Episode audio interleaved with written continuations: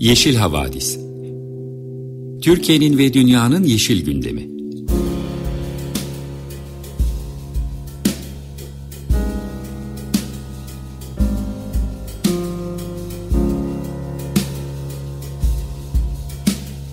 Hazırlayan ve sunanlar Selin Uğurtaş ve Arca Yılmaz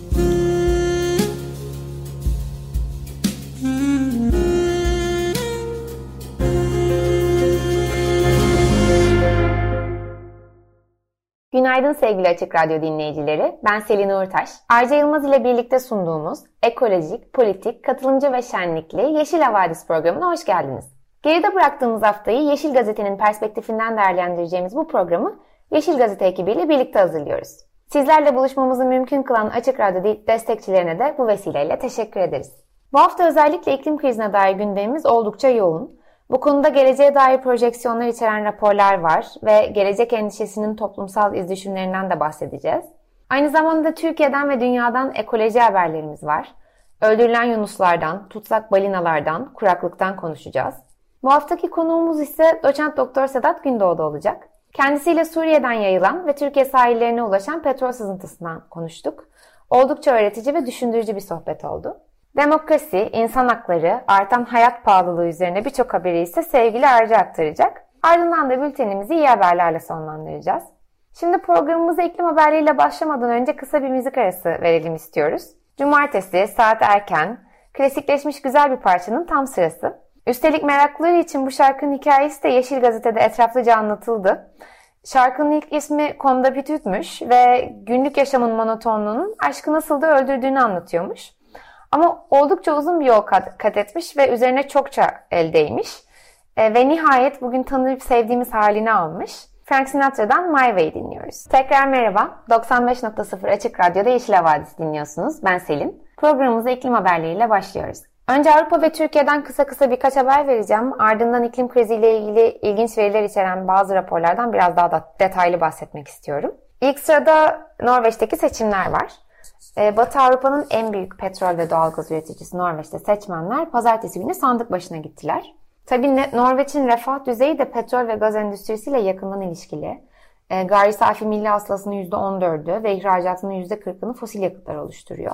Aynı zamanda dünyanın en büyük devlet servet fonu ki 1.2 trilyon euro değerinden bahsediyoruz. E, bu ülkede ve bu da yine aynı endüstrinin bir sonucu. Dolayısıyla oldukça karmaşık bir durum var ortada. Çünkü e, fosil, fosil yakıtlardan çıkış bir yandan bir gereksinim, diğer yandan da halkın genelinde bir refah düşüşü endişesi yaratıyor. Buna rağmen e, özellikle Ağustos ayında bizim de Yeşil Vadis'te bahsettiğimiz Birleşmiş Milletler Hükümetler Arası İklim Değişikliği Paneli'nin yayınladığı endişe verici rapordan sonra bu konu Norveç'te de ülke gündemini domine ediyor. Hatta rapor akabinde Yeşiller Partisi'nin üyeliklerinin üçte bir oranda arttığı haberleri de yapıldı. Fakat nihayetinde seçim sonuçlandığında Yeşiller yine %4'lük barajın altında kaldılar. Bununla birlikte 2013'ten bu yana iktidarda olan Merkez Sağ yönetimi Sol İttifakı kaptırmış oldu. E şimdi bu yeni durumun petrol ve doğalgaz üretimi açısından ne anlama geleceğini henüz tam olarak bilmiyoruz seçimden önde çıkan İşçi Partisi tüm keşif ve üretimin durdurulmasını talep eden bir partiyle koalisyon kurmayacağını açıkladı. Yine de çoğunluk hükümeti kurabilmek için görüşmelere devam ediyorlar. Ama burada da bazı anlaşmazlıklar var ve bu anlaşmazlıklardan biri yine enerji politikaları ve fosil yakıtlardan uzaklaşma planları. Dolayısıyla bu anlaşmazlıkları aşıp bir çoğunluk hükümeti kurabilecekler mi? Kurabilirlerse ne gibi politikalar e, izleyecekler? Bunu bekleyip göreceğiz. Avrupa'dan bir diğer haberimiz İspanya'dan. Ee, İspanya'nın güneyinde Endülüs bölgesinde Malaga şehrinin kırsalındaki orman yangınları devam ediyor. 8 Eylül'den bu yana yanıyor ve 7000 hektarlık bir alanın zarar gördüğü, 2500'den fazla kişinin de evlerini terk etmek zorunda kaldığı aktarılıyor. Bu yangın söndürme çalışmalarına katılan 25 araç ve tam 41 uçak var. Tabii bu yangınlar bu yaz bizi de derinden sarstı ve en önemli gündem maddelerimizden biri uzunca bir süre havalanamayan uçaklardı. E, bizim uçaklarımız nerede sorusu soruldu sürekli. Şimdi bu konuda Devlet Denetleme Kurulu bir denetim gerçekleştirmiş ve Türk Hava Kurumu envanterindeki 21 yangın söndürme uçağından 15'inin faal durumda olmadığını raporlamış.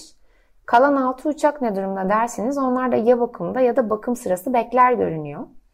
Aynı zamanda rapora göre Türk Hava Kurumu 2011 yılından itibaren kuruluş amacından uzaklaşmış. 2019 yılı net zararı 275 milyon lirayı aşmış. Banka borçları ise 1.5 milyar liradan fazla. Bu sorunlar tespit edildiğine göre en kısa sürede çözümleri de bulunur ve uygulanır diye ümit ediyoruz. Ee, sıradaki kısa haberimiz bu defa İstanbul'dan.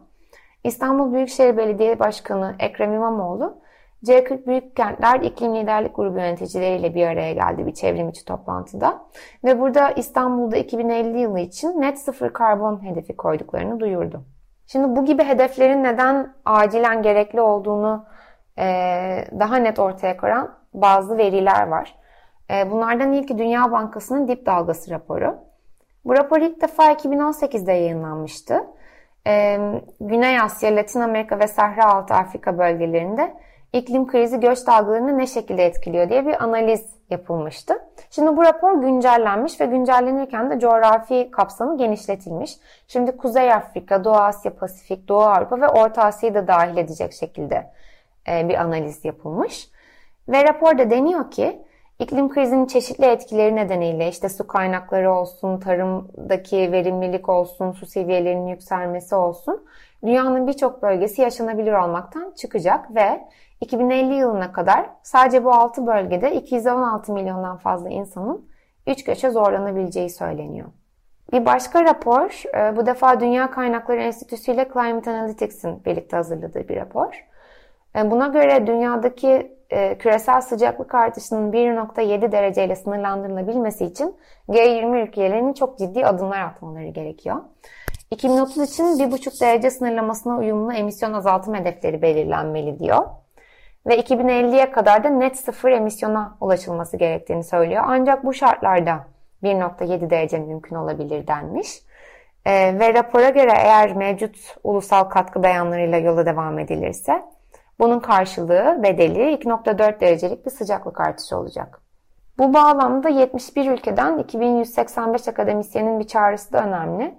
Ee, akademisyen, bilim insanı, araştırmacı bir mektup yayınlıyorlar ve fosil yakıtların yayılmasını önleme anlaşması talep ediyorlar. Mektupta artık kaybedilecek zaman kalmadığı vurgulanıyor. Bu noktada tabii Türkiye'nin pozisyonuna da hızlıca değinmekte fayda var. E3G'nin bir e, raporu da yayınlandı. Yeni kömür projelerinin e, özellikle 2015'teki Paris Anlaşması'ndan bu yana nasıl gerilediğine dair. Buna göre planlanan kömürlü termik santral kapasitesinde %76'lık bir azalma görülmüş. Ve raporda dönüyor ki eğer sadece 6 ülke harekete geçerse planlama aşamasındaki projelerin de tam %82'sini iptal etmek mümkün. Ve bu 6 ülkeden biri tabii ki Türkiye. Ee, diğer ülkeler derseniz planlanan santrallerin %55'i zaten Çin'de. Ee, Çin'e ve Türkiye'ye ek olarak Hindistan, Vietnam, Endonezya ve Bangladeş'te adım atarsa %82'si e, bu projelerin iptal olabilir. E, raporda aynı zamanda Türkiye'de her ne kadar hükümet politikaları geriden gitse de reel ekonominin daha ileride olduğu da söylenmiş ve son bir yılda planlanan projelerin yarı yarıya azaldığından bahsedilmiş. 2015'ten bu yana ise %79 küçülme olduğu söylenmiş. Bu tabii akıllara CHP milletvekili e, Ali Öztunç'un bu hafta Paris Anlaşması ile ilgili yaptığı çıkışı da getiriyor. E, Öztunç açıklamasında iklim krizinin giderek derinleştiğini vurgulamıştı ve yaşadığımız yüzlerce doğa tahribatı, yangın, sel felaketi, müsilaj sorunu ve daha nicesi iklim kriziyle mücadele etmeyen Paris Anlaşması'nı yürürlüğe koymamak için direnen zihniyetin ürünüdür, ürünüdür demişti. Dolayısıyla Türkiye'nin bu konuda bir an önce adım atması da giderek elzem bir hal alıyor. Bunlardan sonra biraz da iklim krizinin toplumsal etkilerine dair iki haberden bahsetmek istiyorum. İlk olarak e, Avustralya'dan Hindistan'a, Amerika'dan Nijerya'ya 10 ülkeden 10 bin gencin katıldığı bir anketin sonuçlarını paylaşacağım. E, bu gençler 16 ile 25 yaşları arasında ve her 10 gencin 6'sı iklim değişikliği konusunda, konusunda çok veya aşırı derecede endişeli olduklarını söylemişler. Gençlerin %40'ı ise iklim krizi nedeniyle çocuk, çocuk sahibi olma konusunda tereddüt yaşadıklarını söylüyorlar. Birleşik Krallık'ta ise başka bir araştırma yapılmış. Araştırmanın ismi Kim iklim değişikliğini önemsiyor? Kuşaklar arasındaki tutumlar. Buna göre e, iklim krizinin daha çok gençleri endişelendirdiği ne dair, iliş, e, dair yaygın kanı pek de doğru değil. Araştırmaya göre yaşlı kuşaklar da gençler kadar endişeli ve bu konuda büyük fedakarlıklarda bulunmaya da istekliler. Bültenimizin iklim krizi e, bölümünü böylelikle sonlandırıyoruz. E, bu son araştırma bulgusu beni oldukça memnun etti açıkçası. Çünkü e, birbirimize inanmaya, güvenmeye, birlikte hareket etmeye gereksinim duyduğumuz bir dönemde olduğumuzu düşünüyorum. Sözü ekoloji haberlerini aktaracak olan Arca Yılmaz'a vermeden önce sırada güzel bir parça var. Sunnyland Slim'den Be Careful How You Vote. Cumartesi sabahından merhaba sevgili Açık Radyo dinleyicileri. Ben Arca Yılmaz, Yeşil Havadis programıyla sizlerleyiz. Bu haftanın öne çıkan ekoloji haberleri kabaca üçe ayrıldı diyebiliriz. Bunlar hayvanların yaşam hakkı, tüm Türkiye'yi etkisi altına almaya devam eden kuraklık ve insan etkisiyle gerçekleştirilen doğa tahribatları diyebiliriz. Ee, ilkiyle başlayalım şimdi. 50 bin nüfuslu Faroe Adaları'ndaki A Festivali bu hafta sosyal medyada çok konuşulmuştu. Bu katliam gibi festivalde 1500'e yakın Yunus öldürüldü ve kıyıda kana bulandı. Hak savunucuları bunun son zamanlardaki en yüksek sayı olduğunu da belirtiyor bir yandan. Yaşananlar aslında bölgede uzun süredir uygulanan da bir gelenek. Ancak yasaklanması için 1980'lerden beri mücadele edenler var. Bu oluşumlardan hayvan hakları grubu Sea Shepherd Avustralya'nın genel müdürü Jeff Hansen, çocukların izlemeye teşvik edildiği bu tür iğrenç, canavarca davranışların dünyanın hiçbir yerinde açıklaması olamaz demiş. Tabi tek, torun, tek sorun bu toplu avlar değil. Bir diğer önemli yaşam hakkı ihlali de Yunus parkları gibi yerlerde yaşanıyor. Kanada'daki bir tematik su parkında 44 yıllık yaşamının büyük çoğunluğunu insanları eğlendirmek için esaret altında geçiren bir balina vardı. E, ismi Kiska. Kiska intihar etmek için içinde bulunduğu beton tankın duvarlarına kendini vuruyordu. Bu görüntüler sosyal medyada da büyük bir tepki topladı. Yeşil Gazete'den editör arkadaşımız Elif Ünal da Türkiye'de bu Yunus parklarının ve hayvanat bahçelerinin durumunu araştırdı. Yunuslara Özgürlük platformundan Öykü Yağcı ile konuştu. Yağcı, Türkiye genelinde çoğunluğu turistik şehirlerde olmak üzere toplamda 10 tane Yunus Parkı olduğunu ve burada sadece Yunusların değil, beyaz balinalar, deniz aslanları, kürklü fokların da olduğunu söylemiş. Tesisler hayvanların esaret altında doğduğunu söylese de Yağcı'nın iddiası bunun doğru olmadığı. Ayrıca esaret altındaki hayvanların kronik stres altında yaşadığı ve ömürlerinin çok kısaldığı ise başka bir mevzu. Bir yandan tüm bunlar olurken de yeni çıkarılan hayvanları koruma kanunundaki bir madde çok tartışmalı. Bu maddeyle şahıslara hayvanat bahçesi açma izni verilmiş durumda şu anda güncel olarak. Şimdi biraz da kuraklık haberlerinden devam edelim. Hmm, yağışlar Türkiye'nin bazı bölgelerinde başlamış olsa da kuraklık etkisini çok sert bir biçim, biçimde göstermeye devam ediyor. Biz de konuyla alakalı bir haberi paylaşmak istedik. Geçtiğimiz aylarda suda, sudaki oksijen seviyesinin düşüklüğü nedeniyle Kızılırmak'ta toplu balık ölümleri gerçekleşmişti. Sonbaharın ilk haftalarında olduğumuz şu günlerde de Kesik Köprü ve Eğri Köprü civarlarında su seviyesi önemli oranda düşmüş durumda. Buralarda Kızıl, Kızılırmak'ın görüntüsü resmen dereyi andırdığını belirtiyor görgü tanıkları. Ayrıca barajlardaki su çekilmesinden ötürü de sular altında kalmış e, yerleşimlerin tekrar su yüzüne çıktığı söyleniyor. Konuyla alakalı Anadolu Ajansı'nda konuşan Cumhuriyet Üniversitesi Eğitim Fakültesi öğretim üyesi Doçent Doktor Taner Çiftçi, sorunun artan sıcaklıklar, düşen yağış miktarları ve yanlış sulama politikaları olduğunu söylemiş. İklim krizi şiddetlenirken Türkiye'de neler, neler oluyor peki? Ee, baktığımızda Isparta Eğir, Eğir, Eğirdir Gölü'nde bir çevre felaketi yaşanıyor şu anda. Ee, Türkiye Tabiatını Koruma Derneği Bilim Danışmanı Doktor Erol Kesici'nin iddiasına göre Isparta merkez ve 81'den fazla yerleşim alanının öncelikli içme suyu olarak yararlandığı Eğirdir Gölü içine döşenmiş lağım boruları var ve bu borulardan biri patlamış ve göle lağım karışıyor. Kesici vatandaşları da göre girmemesi konusunda uyarmış. Ee, buna karşın Isparta Çevre ve Şehircilik İl Müdürlüğü de bir açıklama yapmış durumda ve göldeki gölde bir kirlilik olmadığını, atık su arıtma tesisinin de yönetmeliklere uygun olarak çalışmaya devam ettiğini söylemiş kurum. Kirlilik bir yana tabii yeşil alanlarsa hala ihalelere, yapılaşmaya kurban edilmeye devam ediyor. Bunun örneğini İstanbul'da görüyoruz. İstanbul Büyükşehir Meclisi'nde İstanbul Büyükşehir Belediyesi Meclisi'nde Cumhur İttifakı'nın oylarıyla Beykoz'daki asırlık Beykoz Çayırı Millet Bahçesi yapılmak istenmiş. Bu projeyle şu anda yeşil alan olan çayırda imar planı değiştirilmek isteniyor ve bu da e, yapılaşmanın önünü açacak diye bir korku var. Bir diğer risk ise İstanbul'un bu sefer Anadolu yakasında Kalamış'ta. Yeşil Gazete'den Nazlı Eda Piyale'nin bir haberi var. Parkı da kapsayan kamusal alanda bir özelleştirme kararı var ve 21 Eylül'de de bunun ihalesi olacak. Özelleştirmeye karşı Fenerbahçe ve Kalamış dayanışması ise parkta nöbette ve projeye karşı imza topluyor. Özelleştirmeyle halkın denizle buluşmasına engel olunacağını söyleyen dayanışma üyeleri Yeşilimize sahip çıkacağız diyorlar. Burada daha kapsamlı otellerin olduğu, bir yeni bir marinanın olduğu bir proje var. Ve buradaki dayanışmada bu projeye karşı çıkıyor. Son olarak ekoloji ve çevre haberlerini birkaç olumlu yargı kararıyla sonlandıralım istedik. İlki Ordu Ulubey ilçesi Eymür mahallesinde. Burada Altınordu Belediyesi'nin hayata geçirmek istediği bir taş ocağı vardı. Buna karşı mahalle halkı ve Ordu Çevre Derneği'nin açtığı davada mahkeme bilirkişi raporuna uyarak yürütmeyi durdurma kararı verdi şimdilik. Yine yakın bir yerde e, sahilde bu sefer Gülyalı kumsalı üzerinde geçen bir çevre yolu, projesi var. Bu, bu projeye göre bir viyadük yapılması planlanıyor ve e, proje bu sahil kısmını yok edecek. Gülyalı Belediye Başkanı Ulaş Tepe, bugün denizle iletişimi kopmuş bir bölge haline geldik. Bu geniş kumsal alan şehrimizin denize girilebilecek nadir lokasyonlarından biri.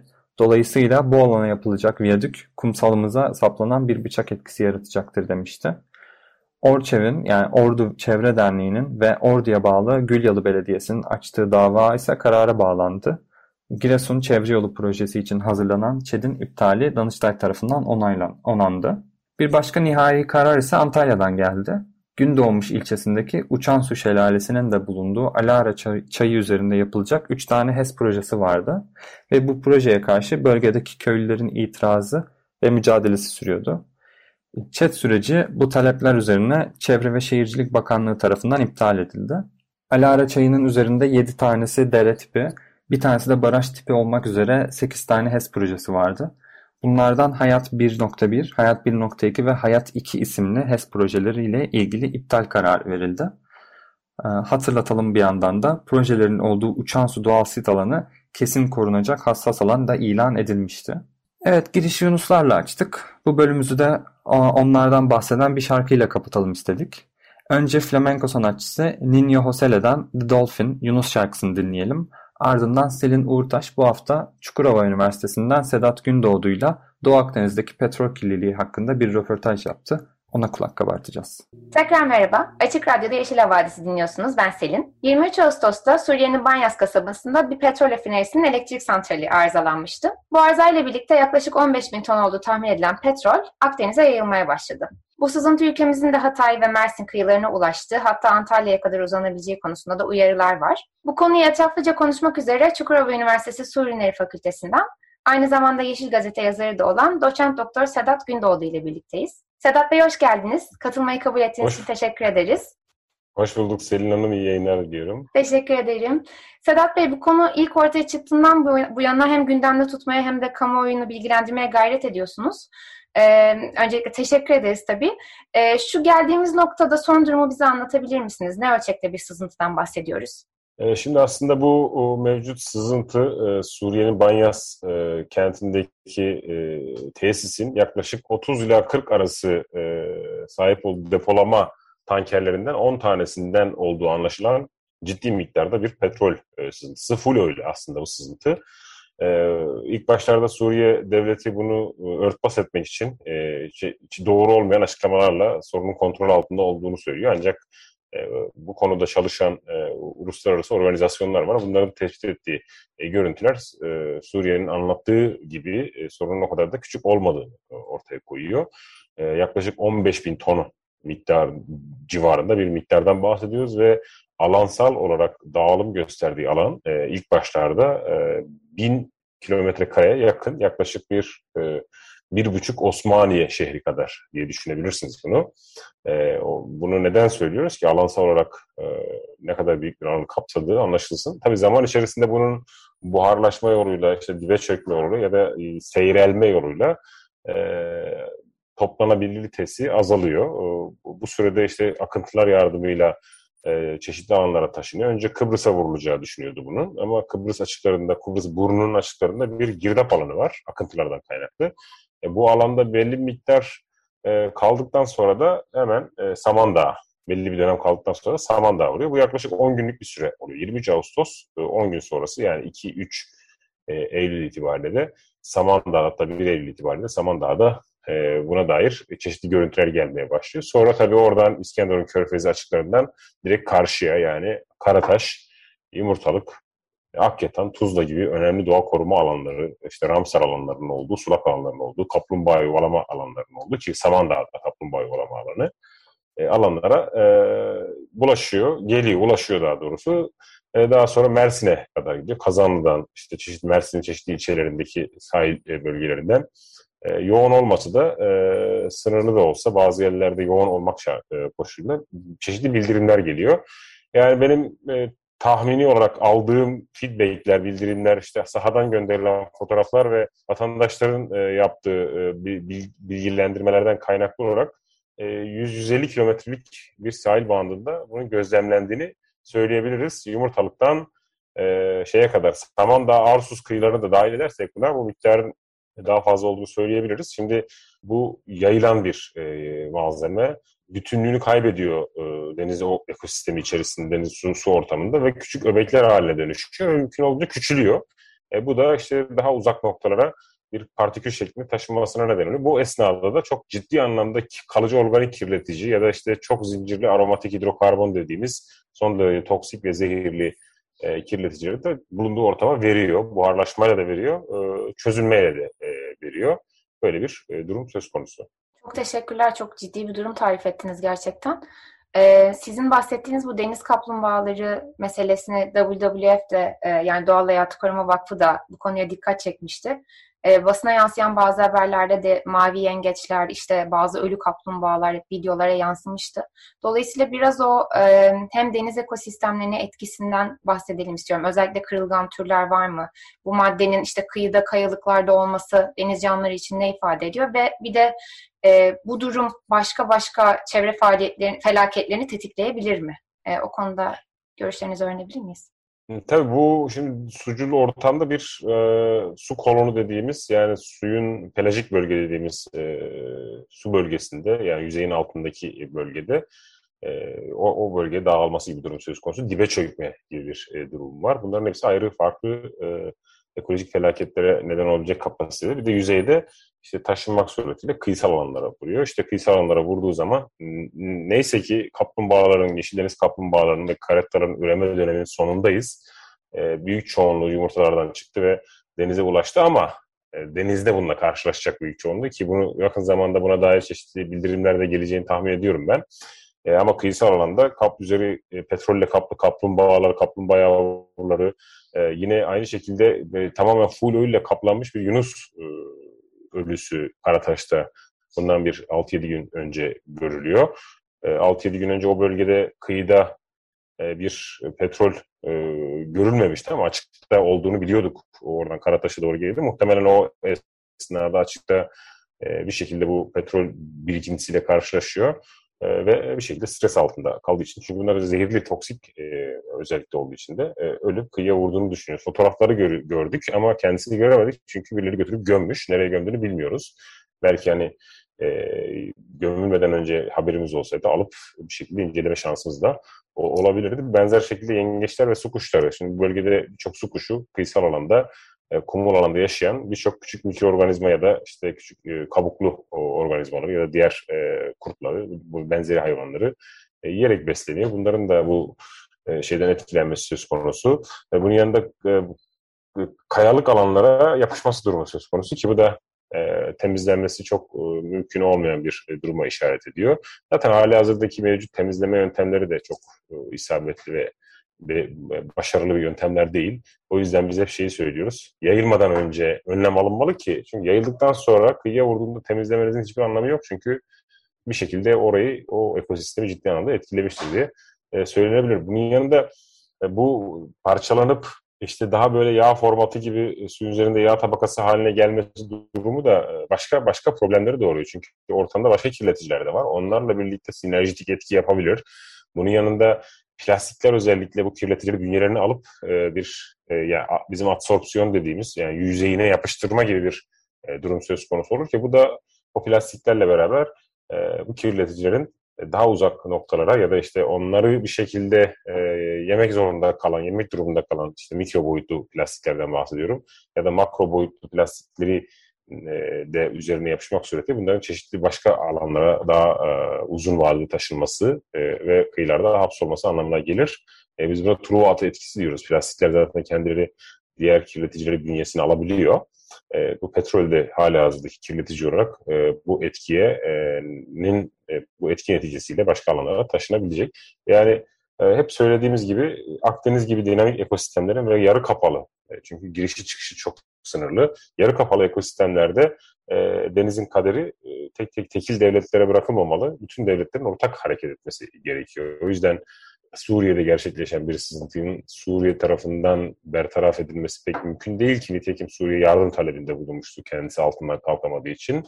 E, bu yardım talebinin ortaya çıkması itibariyle kıyımıza gelmesini beklememize gerek yok. O açık denize de buna müdahale edilebilirdi. En azından parçalanmadan bir kısmı, büyük bir kısmı toplanabilirdi. E, ya da işte hali hazırda bizde de böyle depolama sahaları var. Bir tanesi de İskenderun Körfezi'nde zaten. E, bu tür durumlarda nasıl bir risk e, planlaması yapıldığını da aslında bir risk planlaması da olmadığını görmüş olduk. E, çünkü kıyıya vurdu bütün hepsi. Açıkta toplanabilirdi. Yeterli değildi. E, buna dair e, önemli yatırımlar ve e, e, girişimlerin yapılması gerekiyor. Tüm Akdeniz kıyı ülkelerinde bu tür faaliyetleri sadece izleyip rapor etmekten öte aksiyon alan bir e, girişime e, e, girişimi gerçekleştirmeleri gerekiyor. Yani balıkçılık için e, harcadıkları çabanın onda birini belki bu tarz kirlilik faaliyetleri için harcasalar e, bu tür görüntüler e, daha erken sürede daha az etkiyle ortadan kaldırılabilir. E, bu durumda bölgede böyle bir felaket karşısında kaldığımızda uygulanacak bir acil durum protokolü yok diye anlıyorum. Doğru mudur? Ya varsa da yetersiz. Yani mevcut durum onu gösteriyor. Yani e, birkaç tane küçük gemiyle bu iş halledilebilecek bir durum değil. Şimdi petrol arama faaliyetleri de oluyor biliyorsunuz. Meksika körfezinde bir e, deniz dibi petrol sahasında pat, e, patlama ve sızıntı meydana gelmişti ki sızıntı değil. Sızıntı demek olayı küçümser bu bildiğiniz. Denizin petrolle kirletilmesi, zehirlenmesi meselesiydi. Bir petrol karışması durumu olmuştu ve Meksika körfezinin bir kısmını tamamen kapattılar. E, bunu ortadan kaldıramadıkları için ortama yeni yeni kimyasallar enjekte ederek işte bizim ya, e, dispersant dediğimiz e, çeşitli deterjan surfaktan yüzeyden yani bizim temizlik malzemelerinde kullanılan maddeler olduğu için söylüyorum. Açıp okursanız arkasında yazar yüzey aktif madde, sürfaktan diye. Bunlar kullanılarak bu petrol dağıtılmaya çalışıyor. Oradaki dağıtılma e, mantalitesi de şu petrol bloğunu düşünün. Yüzey, su yüzeyindeki büyük bir petrol birikintisini düşünün. Bunun üzerine bu e, dis, dispersantlar dökülüyor. E, onlar daha küçük moleküllere parçalanıyor. E, ve orada da e, bunun yayılması ve dağılması yani seyrelmesi bekleniyor. Ama tabii bunun yarattığı başka etkiler söz konusu. Yani bir kimyasala, bir zehire, başka bir zehirle müdahale etmek durumunda kalıyorsunuz ki işte Meksika'da bunun e, gerçekten de e, hiçbir işe yaramadığı koca bir körfezin çok ciddi bir kirlilikle ne yazık ki e, can çekiştiğini gördük. E, benzer bir durum işte Doğu Akdeniz'deki e, petrol arama faaliyetleri esnasında da gerçekleşebilir. Bulunan petrol sahaları işleme açıldığı zaman böyle bir riskin olmayacağının garantisi yok. Burada önemli olan bu bu tarz risklere rağmen bu faaliyetler gerçekleştirilecekse eğer ne tür önlemler alındığının da ciddi olarak etraflıca ortaya konması gerekiyor. E, çünkü Akdeniz e, zaten iklim krizinden en fazla etkilenecek bölgelerden birisi. Aynı zamanda ciddi bir e, istilacı tür baskısı altında özellikle Süveyş kanalı üzerinden gelen şey. Bir de bu petrol mesela plastik kirliliğinden hiç bahsetmiyorum ki dünyanın en kirli denizi plastik açısından. İşte Süveyş kanalının genişletilmesi sonucu gelen tür sayısında, yabancı istilacı tür sayısında ciddi miktarda bir artış var. Yani Akdeniz her anlamda kuşatılmış insan baskısıyla ama önlem alma konusunda ne yazık ki e, aynı kuşatılmıştı e, göremiyoruz. Yani çeşitli kurumlar, kuruluşlar var, e, girişimler var ama hepsi kağıt üzerinde girişimler. Sadece ekonomik getirisi çok yüksek olan alanlarda yani bu girişimlerin işe yarar sonuçlar alacak şekilde işlemler yaptığını görebiliyoruz. Onun dışında kirlilikle ilgili alınan önlemlerin neredeyse hiçbirinin sahada bir anlamı olmadığını görebiliyoruz. Teşekkürler Sedat Bey. Ee, bu konuda dediğiniz gibi doğalgaz arama çıkarma faaliyetleri bir de o kadar askerileşti ve siyasileşti ki konu gerçekten hiç bu bahsettiğiniz boyutlarına değinilmiyor. Ee, ama sizin bir yazınızda okuduğum kadarıyla Türkiye'nin aslında o Doğu Akdeniz'deki tersine saat yönündeki akıntı nedeniyle de özel bir risk durumu var anladığım kadarıyla. Yani e, yazıda orada herhangi bir ülkedeki kirliliğin bizim sahillerimize geleceğinden bahsetmiştiniz. Onu bir açıp detaylandırabilir misiniz? Ya şimdi Akdeniz'deki akıntı sistemi Cebeli Tarık'tan geliyor. Kıyıları dolaşarak işte çeşitli yerlerde siklonlar yaparak, siklon, antisiklon dediğimiz işte döngüler yaparak işte zaman zaman denizin dibine inen su kütlesinin denizin dibine indiği ve başka akıntı sistemiyle dinamikleri desteklendiği bir ortam var. Ama ana şey Cebeli Tarık'tan geliyor böyle e, Mısır'a kadar. Mısır'dan da İsrail, Lübnan, Suriye üzerinden bizim kıyılarımıza işte Adana üzerinden tekrar e, dönerek ta Antalya'ya kadar Kaş açıklarına kadar, Kaş'a kadar gidebiliyor bu akıntıyla beraber. E, şimdi İsrail'in e, denizde yapacağı bir faaliyetten işte Lübnan'ın, Suriye'nin denizde yap denize yapacağı bir etkiden ilk etkilenecek ülkelerden biri biz Mısır'ın aynı şekilde. Bakın işte Lübnan'da bir patlama olduğu limanda e, o limanda patlama sonucu ortaya çıkan çöplerin hepsi, denize saçılan çöplerin hepsi olduğu gibi bizim kıyılarımıza geldi. Yani ya denizin dibine battı, ya Samandağ kıyılarına vurdu, ya işte hala deniz, bizim kıyılarımız, açıklarımızda yüzüyor. E, bizim bu şu, akıntılar nedeniyle özel bir pozisyonumuz var. Yani bizim en kirli kıyılara sahip olmamızın nedenlerinden biri de bu. Bizim kendi atık yönetim altyapımız yok. Bizim e, bu tür felaketlere karşı e, aldığımız önlemlerin e, şeyi boyutu çok düşük. Buna bunu, bunun yanında bir de hiçbir önlem almayan, üstüne üstlük bir de e, bütün çöpünü, bütün atığını denize boşaltan e, kıyı ülkelerinin çöpünün akıntı yoluyla bize gelmesi gibi durum söz konusu. E, böyle bir durum olunca da işte İskenderun körfezine giren İskenderun körfezinde hapsoluyor. Mersin körfezine giren Mersin körfezinde hapsoluyor. İşte her yıl Mersin körfezinden e, bir sürü bildirim alıyoruz biz. E, bir sürü plastik parçacığın, yabancı menşeli plastik parçacığın orada kıyıya vurduğunu. Şimdi e, böyle bir durum söz konusu. O yüzden e, bu tür faaliyetleri gerçekleştirirken denizin kendi dinamiklerini de dikkate almakta fayda var. Denizler sadece üzerinden ekonomik getiri elde edilecek e, sahalar değil, aynı zamanda e, yaşam kaynağı. Oralarda oluşacak etkilerin sonucunda, neticesinde e, bizim de ciddi anlamda bu durumdan etkileneceğimizi unutmamamız gerekiyor.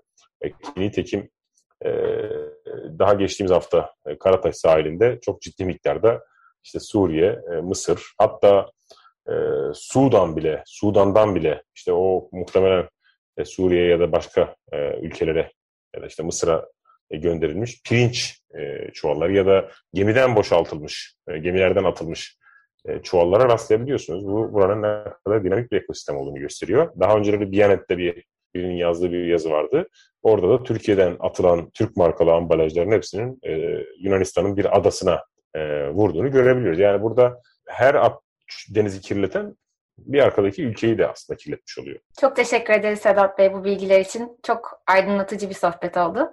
Şimdi programımızda işlediğimiz konuyla ahenk içinde bir parçayla devam ediyoruz. Johnny Cash'ten Don't Go Near the Water'ı dinleyeceğiz. 95.0 Açık Radyo'da Yeşil Havadis programındayız. Ben Arca Yılmaz. İklim ve ekoloji haberlerinin ardından röportajımızı dinledik. Selim bu hafta Doğu Akdeniz'deki petrol kirliliğini doçent doktor Sedat Gündoğdu ile konuşmuştu. Şimdi de bu hafta gözümüze çarpan diğer haberleri sizlerle kısaca paylaşalım. Hayat pahalılığı konusu bu hafta kira fiyatları üzerinden çokça gündeme geldi. Geçen hafta bir rapor yayınlanmıştı. Ee, Bahçeşehir Üniversitesi Ekonomik ve Toplumsal Araştırmalar Merkezi BETAM tarafından. Bu rapora göre İstanbul'da yıllık kira artış oranı %51 olmuş ve bu artışlar Ankara'da %32, İzmir'de de %31 civarında gerçekleşmiş. Bunun üzerine kiralara üst sınır getirilsin başlığıyla bir imza kampanyası da başlatılmış durumda. Kampanyada barınmanın kamusal bir hak olduğu vurgulanıyor. 15 Eylül Çarşamba günü online olarak düzenlenen 13. Uluslararası Hrant Dink Ödülleri sahiplerini buldu. Bu yıl iki ödüle Türkiye'de kadına yönelik şiddetle mücadelesinin öncülerinden Avukat Canan Arın ve Filipinler'de zorlu siyasi koşullar ve yüksek kişisel riskler altında basın özgürlüğünü savunan araştırmacı gazeteci Maria Ressa layık görüldü. Arın ödülü alırken bu kadar canavarlığın içinde bu kadar korkunç bir tabloda insanın içini açan, yüreklendiren tek olay kadın direnişi ve dayanışması ifadelerini kullanmış. Ressa ise mücadele etmeye devam eden gazeteci ve aktivistlere yolumuzdan şaşmamamız gerekiyor. İnsanlar bazen naif olduğumuzu söyleyebilir. Bizim için de öyle diyorlar ama değiliz dedi. Eminim bizden sonra Açık Radyo'da yayında olan e, Radyo Agos'ta ödüller daha detaylı bir şekilde bahsedilecektir. Yani bu vesileyle de o programa da bir selam göndermiş olalım buradan. E, hak mücadeleleri alan tanımaksızın devam ediyor. Taksim Eğitim ve Araştırma Hastanesi'nde bir yıldır acil serviste pratisyen hekim olarak görev yapan Doktor Larin Kayataş vardı. Kendisi e, memuriyetten çıkarıldığını sosyal medya üzerinden e, sosyal medya üzerinden duyurdu. Yaptığı açıklamada bu ülkede 8 Mart'a katılmak, CHP'ye oy verdiğini belirtmek, trans kadın olmak ne zamandan beri suç sayılıp doktorluk görevini yapmaya engel oluyor. Bu sosyal medya paylaşımlarımın genel ahlaka uygun olmadığı, devlet memurunun hal ve hareketlerine yakışmadığı, bir genç kadın olarak ahlaklı olmam gerektiği söyleniyor. Halbuki özel hayatımda neler yapabileceğime kimse karışamaz ifadelerini kullandı ve bu haksızlığa karşı da mücadele edeceğini belirtti. Bunun üzerine e, Türk Tabipler Birliği'nden de bir açıklama var. Türk Tabipler Birliği Kadın Hekimlik ve Kadın Sağlığı Kolu e, doktorların Kayataş'ın yanında olduklarını ve derhal göreve iade edilmesi gerektiğini söyledi. E, biz de bu haftanın son şarkısını e, Shea Diamond'dan dinleyeceğiz. I Am Her. E, bir trans kadın olarak açılma sürecini anlattığı bu şarkı bu şarkıyı olduğu gibi yaşamaktan kaçınmak zorunda hissedenler için bir marş olarak yazdığını söylemiş. Ben de oldukça güçlendirici bulduğumu söylemek istiyorum yani bu şarkıyı. Ee, o zaman Shea Diamond'dan gelsin I Am Her. Tekrar merhaba. 95.0 Açık Radyo'da Yeşil Havadis'i dinliyorsunuz. Ben Selin. Yeşil Havadis'in sonuna adım adım yaklaşıyoruz. Son bölümümüzde sizinle paylaşmak istediğimiz birkaç iyi haberimiz var. İlk olarak Yeşil Gazete'de Müjgan Halis imzasıyla yayınlanan keyifli bir özel haberi aktarmak istiyorum. Üç arkadaş tarafından kurulan, bugün satam 2000 gönüllüsü olan ve kent sokaklarını güzelleştirmeye çalışan Onaranlar Kulübü. Bu kulübün mottosu atma onar. Bugün artık birçok şey yapıyorlar ama 2016'da ilk kurulduklarında amaçları sokakta gördükleri gözlerine çarpan hatalara, kusurlara, üç boyutlu yazıcıda ürettikleri parçalarla e, değişiklikler yapmak, onarmak, e, daha ilginç hale getirmekmiş, güzelleştirmekmiş yani kenti. Örneğin duvarlarda kare şeklinde göçükler var bir fotoğrafta ve o göçüklerin içerisine kocaman gözler yerleştirmişler. Başka bir fotoğrafta bir e, doğal gaz kutusu var. O doğal gaz kutusunu bir ata çevirmişler. E, işte üzerinde dantel olan e, bir televizyon kutusu var vesaire. Böyle çok ilginç e, dokunuşlarda bulunmuşlar. Platformları onarmak isteyen herkese açık. E, ama mesajlarını çok güzel buldum. O nedenle özellikle paylaşmak istiyorum. Onaranlar Kulübü'nün kurucularından endüstri mühendisi Doğukan Güngör demiş ki biz esasen sokağa çıkıp kent mobilyalarını onarıyor, yaşadığımız çevreyi güzelleştiriyor gibi gör, görünüyoruz ama onardığımız şey aslında zihinler. E, çünkü insanların al kullanat kültüründen uzaklaştırılması gerektiğini ve üretime, onarıma teşvik edilmeleri edilmesi gerektiğini düşünüyorlar ve bunun için e, çaba sarf ediyorlar. Bunu okumak bana gerçekten e, umut verdi. Bir diğer güzel haberimiz e, özel çevre koruma bölgelerinde yaşayan nesli tehlike altındaki 500 sürüngen ve amfibinin Çevre ve Şehircilik Bakanlığı tarafından izlenecek olması. E, bu canlılara çip takılacakmış ve bu izleme çalışmalarıyla hem ekolojik koridorların belirlenmesi hem de yaşam alanlarının daha iyi korunması hedefleniyormuş. Süre boyunca aynı zamanda popülasyon verileri de elde etmeyi planlıyorlarmış ve bu popülasyon verilerine dayanarak da bir takım koruma stratejileri geliştirilecekmiş. Son olarak sırada epey sempatik olduğunu düşündüğüm bir haber var. Yapılan bir araştırma sonucunda sincapların da insanlar gibi karakter özellikleri olduğu keşfedilmiş. Ee, bazılarının diğerlerinden daha cesur, daha agresif, daha girişken veya daha çekingen olabileceğini fark etmiş araştırmacılar. Ve daha aktif, daha cesur olan sincapların utangaç olanlara kıyasla yiyecek biriktirme konusunda daha başarılı olduğu da gözlerden kaçmamış. Böylelikle iyi haberlerimizin de sonuna gelmiş oluyoruz. Sizlere veda etmeden önce küçük bir bilgilendirme yapacağız. 24 Eylül'de küresel iklim grevi düzenleniyor. Grevin bu seneki sloganı sistemi yok et olarak belirlendi. Böylelikle 95.0 Açık Radyo'da Yeşil Gazete'nin katkılarıyla hazırladığımız Yeşil Havadis programının sonuna geldik. Haftaya yine aynı saatte görüşmek üzere. Hoşçakalın.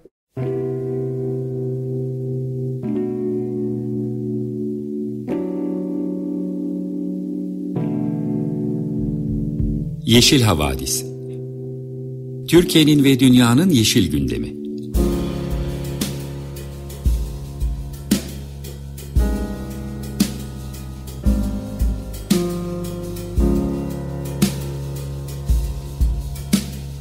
Hazırlayan ve sunanlar Selin Uğurtaş ve Arca Yılmaz